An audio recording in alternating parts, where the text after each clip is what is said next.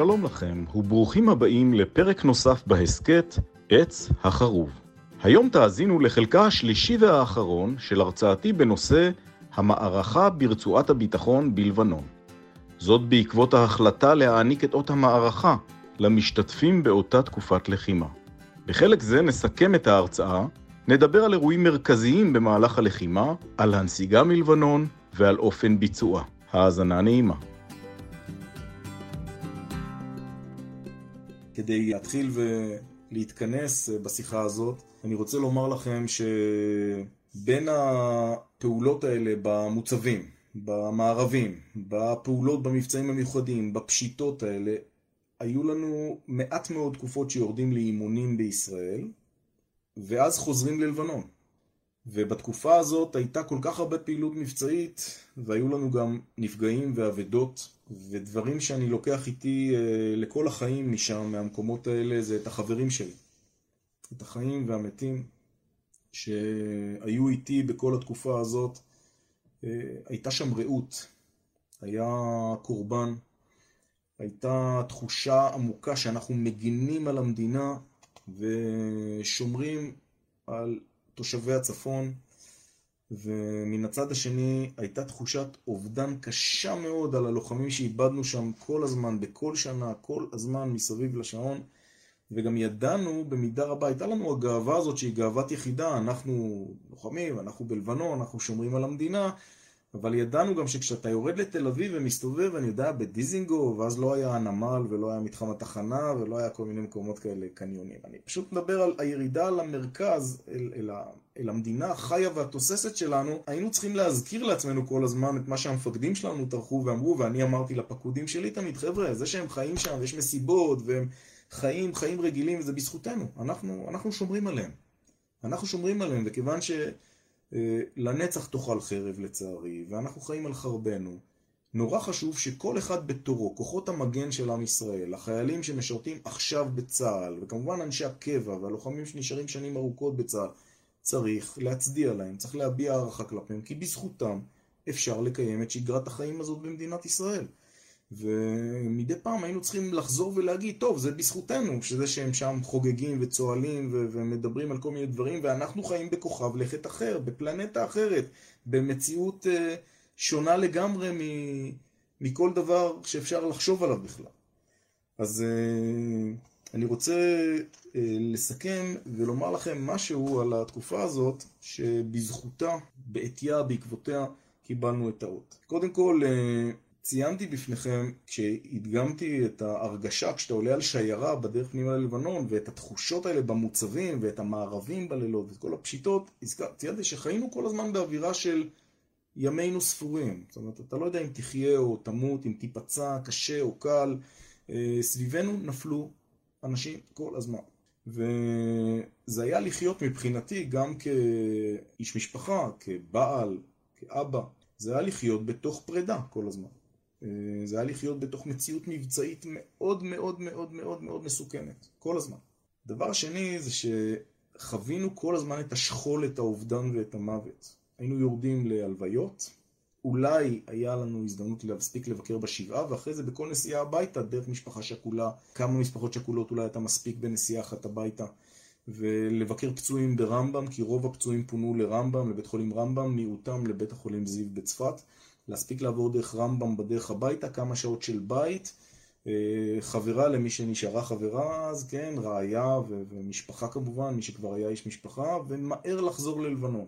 וזה היה לחיות בתוך ההוויה הזאת של משפחת לוחמים, המורשת שנוצרה סביב זה, הרבה מאוד אנשים נפצעים, סיירות, אה, פלוגות, גדודים, יחידות שלחמו שם ופעלו ופשטו וגדלנו והעברנו את, גללנו המורשת הזאת והעברנו את המורשת הזאת מאיש לאיש כל הזמן. התפתחנו מאוד מקצועית כי כל הזמן הפקנו לקחים מכל התקלות במחבלים, מכל פשיטה, מכל מערב, מכל מהלך. למדנו, הייתה הפקת לקחים, העברנו כל הזמן תחקירים על פעולה שקרתה, הצלחנו, פחות הצלחנו, לא הצלחנו בכלל, קרו לנו דברים כאלה גם. ולמדנו הרבה מאוד מכישלונות וזה מאוד חידד ושייף את המפקדים ואת הלוחמים של אותה תקופה ולבנון בעצם הייתה זירת המלחמה העיקרית שלנו, בעוד שאנחנו מתכוננים לאולי צבא זר ממדינה אחרת, סוריה, אחרים, אולי יתקפו אותנו, ידענו שהמלחמה עכשיו היא בלבנון. הפיתוח הטכנולוגי שלנו היה סביב מה שקורה בלבנון. אה, הרבה מאוד אמצעים התפתחו סביב המערכה מול לבנון. ככל שעבר הזמן גם ידענו שאנחנו לא עושים בט"ש, ביטחון שוטף, וטעם, תעסוקה מבצעית, או קו. ידענו שאנחנו במלחמה נגד גרילה. זה לא קרב הגנה רגיל, אתה נלחם נגד ארגון גרילה, צבא גרילה, שנלחם נגדך בשיטות של גרילה, ולכן גם בית הספר של פיקוד הצפון באליקים הפך להיות בית הספר ללוחמה בגרילה, ואימנו את הצבא יותר טוב ויותר טוב, והקמנו יחידות כמו אגוז למשל, שהייתה מתמחה בלחימה בגרילה, וככל שעבר הזמן, כמו שקרה לי, צה"ל החליט להטיל את היחידות הכי טובות שלו, את שלדג ואת השייטת ואת מטכ"ל, לפעולות בלבנון, משום שזאת הייתה זירת מלחמה עיקרית. אני כבר כסגן מפקד שלדג כבר ביצעתי מבצעי קומנדו מעבר לגבול ורחוק מעבר להוצאות הביטחון, וכמפקד שלדג תקופה מאוד ארוכה בלחימה בחיזבאללה, בפעולות ובמשימות שעוד נדבר עליהן בהרצאות אחרות ובשיחות אחרות, כולל במבצעים גדולים כמו דין וחשבון, או ענבי זעם ומבצעים אחרים, בזה עוד נדון בעתיד. אז למדנו הרבה, התפתחנו הרבה, ביצענו הרבה מאוד, וצה"ל גם התפתח. עם הזמן אבל, צריך לומר שהאבדות בהיקפים של עשרות לוחמים בשנה שנהרגו, והרבה מאוד פצועים, ואסונות כמו אסון המסוקים, אותה, אותה התנגשות של שני מסוקי יסעור שטסו אל הבופור, מוצב הבופור ומוצב דלעת, והתנגשו באוויר מעל שער ישוב, איבדנו 73 לוחמים. באסון הזה, אירועים כאלה עם האבדות שהיו לנו כל השנים, יצרו תחושה בקרב חלק מן הציבור בישראל שלשהייה הזאת בלבנון אין תוחלת ואין תכלית ואין טעם וזה לא נכון להמשיך עם זה. וקמה תנועה של ארבע אמהות, של אה, אזרחיות ואזרחים במדינת ישראל שיצאה נגד השהייה בלבנון. והייתה אה, תקופה שהיה לי כמפקד וכלוחם מאוד קשה להילחם בלבנון, שבבית יש ממש פעילות עצומה נגד השהייה בלבנון. כשאתה יודע שאתה נלחם בלבנון, מסביר ללוחמים שאנחנו מגינים על יישובי הצפון, אבל באותה עת, בבית, בארץ, ההפגנות, הפעולות, שהיו נגד השהייה בלבנון, נותנות ללוחמים תחושה שהם סתם נמצאים בלבנון, וזה מיותר להיות ככה בלבנון. זו הייתה תקופה ארוכה, זה לא היה חודש ושבוע או, או חודשיים או חצי שנה, זה נמשך הרבה מאוד זמן. זה היה קשה. זו הייתה תחושה שממש מנסרים את הענף שעליו אתה יושב. זו הייתה תקופה מאוד מאוד קשה. אני כמובן מעריך מאוד את הדמוקרטיה, וכמובן מעריך מאוד את זה, שתודה לאל שיש לנו מדינה דמוקרטית ואנשים יכולים להביע את עמדתם ולהשפיע על השלטון בצורה כזאת, אבל אני מדבר עכשיו מעמדת הלוחם, כמה קשה היה להילחם.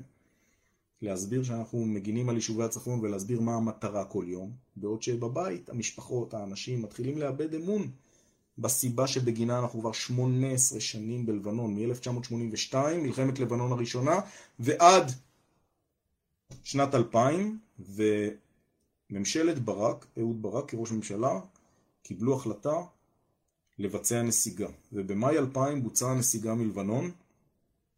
הנסיגה הזאת אה, החזירה את צה"ל אל הקו הכחול, אל כל קו המוצבים מראש הנקרה כאמור, לאורך כל יישובי הצפון וקו הגבול, בקו שתואם ונבדק היטב מול האו"ם, מטר מטר, קו כחול של היום, עד הר דוב והחרמון, ובאותו אה, מהלך של נסיגה, בעצם אה, צה"ל פוצץ את המוצבים האלה, את כל השמות שהזכרתי, המוצבים האלה הושמדו, אה, נסוגונו לאחור.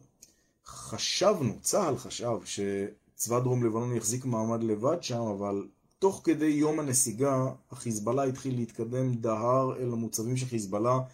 המוצבים של חיזבאללה התמוטטו וקרסו, ובתוך יום אחד הם צבעו על השערים ועל הגדרות בשער פטמה ובמקומות רבים נוספים. הנסיגה מלבנון הצטלמה רע מאוד.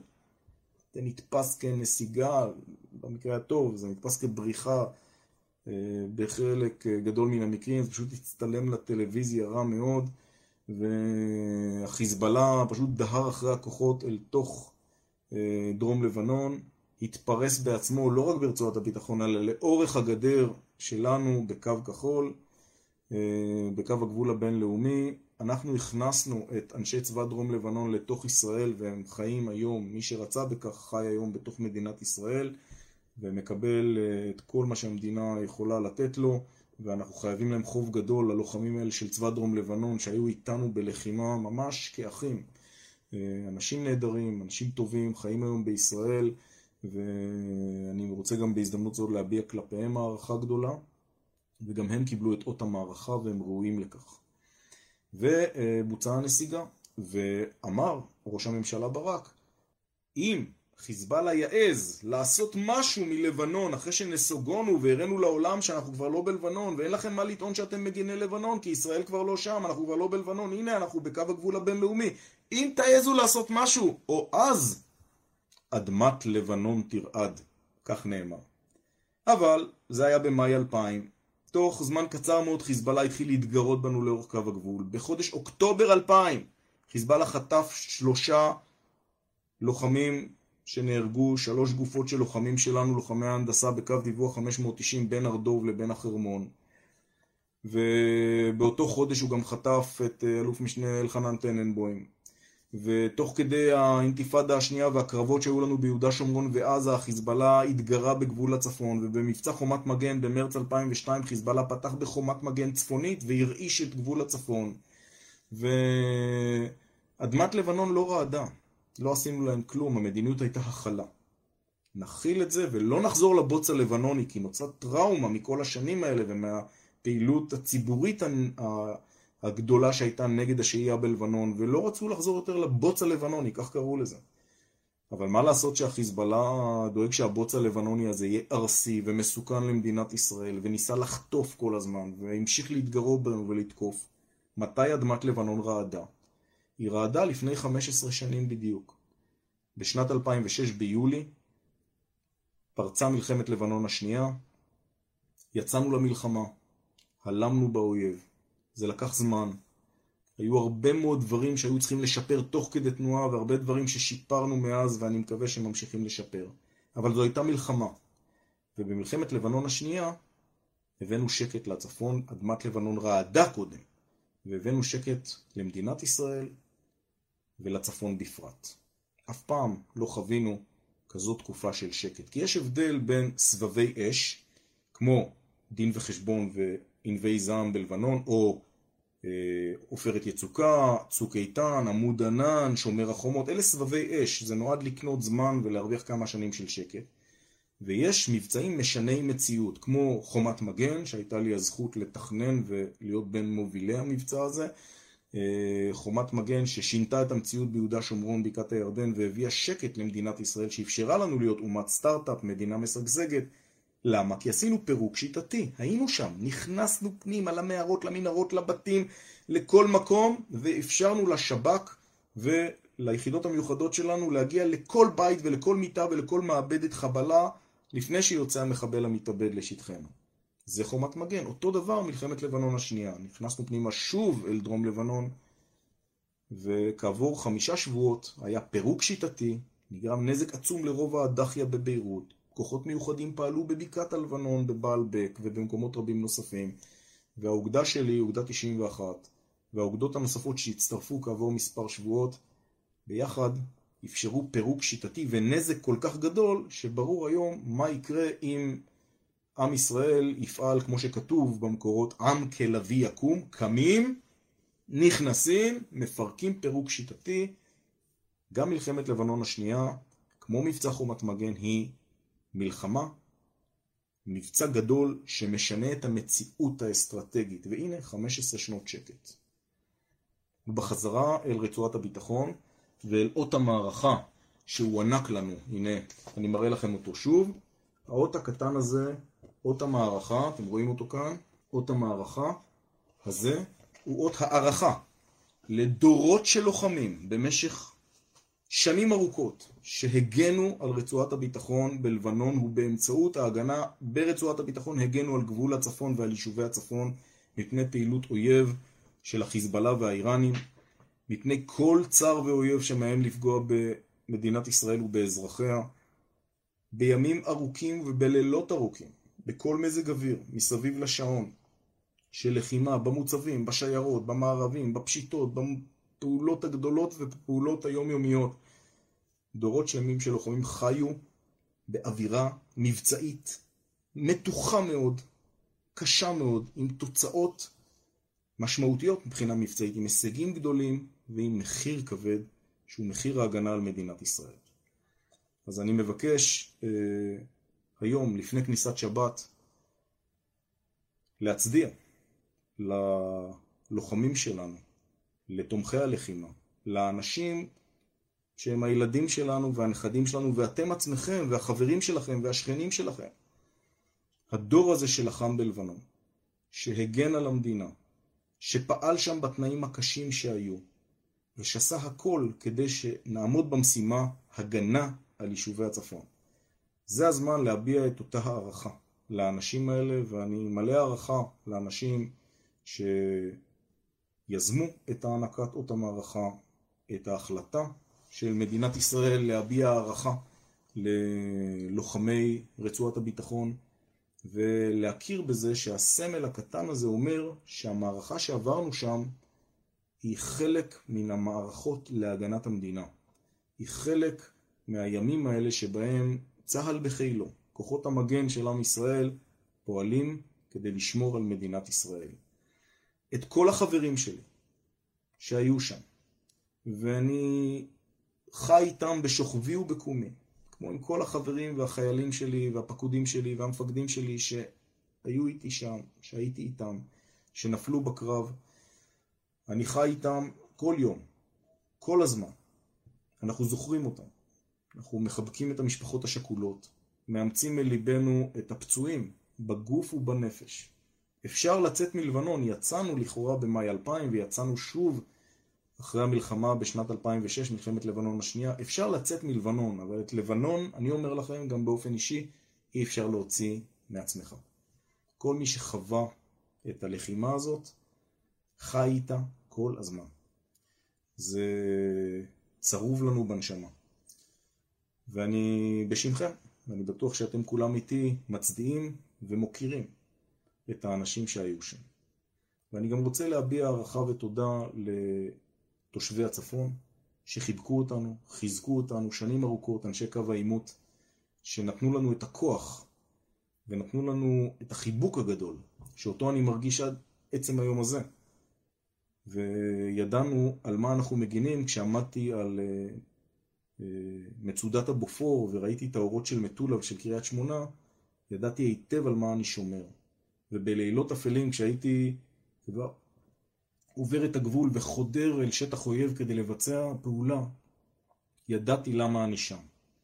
וכשהייתי חוזר בדמדומי בוקר עם המסוק מפשיטה של שלדג אי שם מעבר להרי החושך, והייתי רואה את האורות של ישראל פתאום מופיעים מול העיניים בדמדומי הבוקר, הייתה לי תחושה נפלאה שאני שומר על המדינה שלי, שלי. ככה הרגשנו. זה מה שידענו שאנחנו עושים, לזה קוראים צבא ההגנה לישראל. ובזה אני גם מבקש לסיים ולאחל לכולכם שבת שלום. תודה רבה שהייתם איתי בשידור הזה, בשיחה הזאת, ואני מקיים את השיחות ואת המפגשים האלה ומעלה אותם להסכת עץ החרוב כדי שזה יישמר ושזה לא יאבד ברוח השואגת. הרי כל יום קוראים לנו כל כך הרבה דברים, סדר היום משתנה בחדשות כל כך הרבה פעמים, ואני רק רוצה שאתם, בני המשפחות שלכם, הילדים שלכם, הנכדים שלכם, אה, ידעו מה עבר עלינו, מה עשינו, מה היה שם.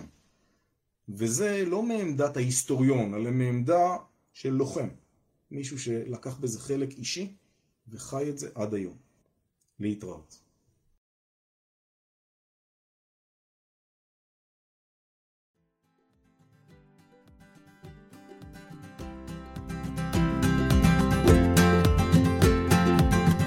זהו, הסתיים עוד פרק בהסכת עץ החרוב. תודה רבה שהייתם עמנו. מוזמנות, מוזמנים לעקוב אחריי. גל הירש בפייסבוק, בטוויטר, באינסטגרם, ביוטיוב, וכמובן גם בפודקאסט, בהסכת הזה, עץ החרוב. ניפגש בפרקים הבאים. להתראות.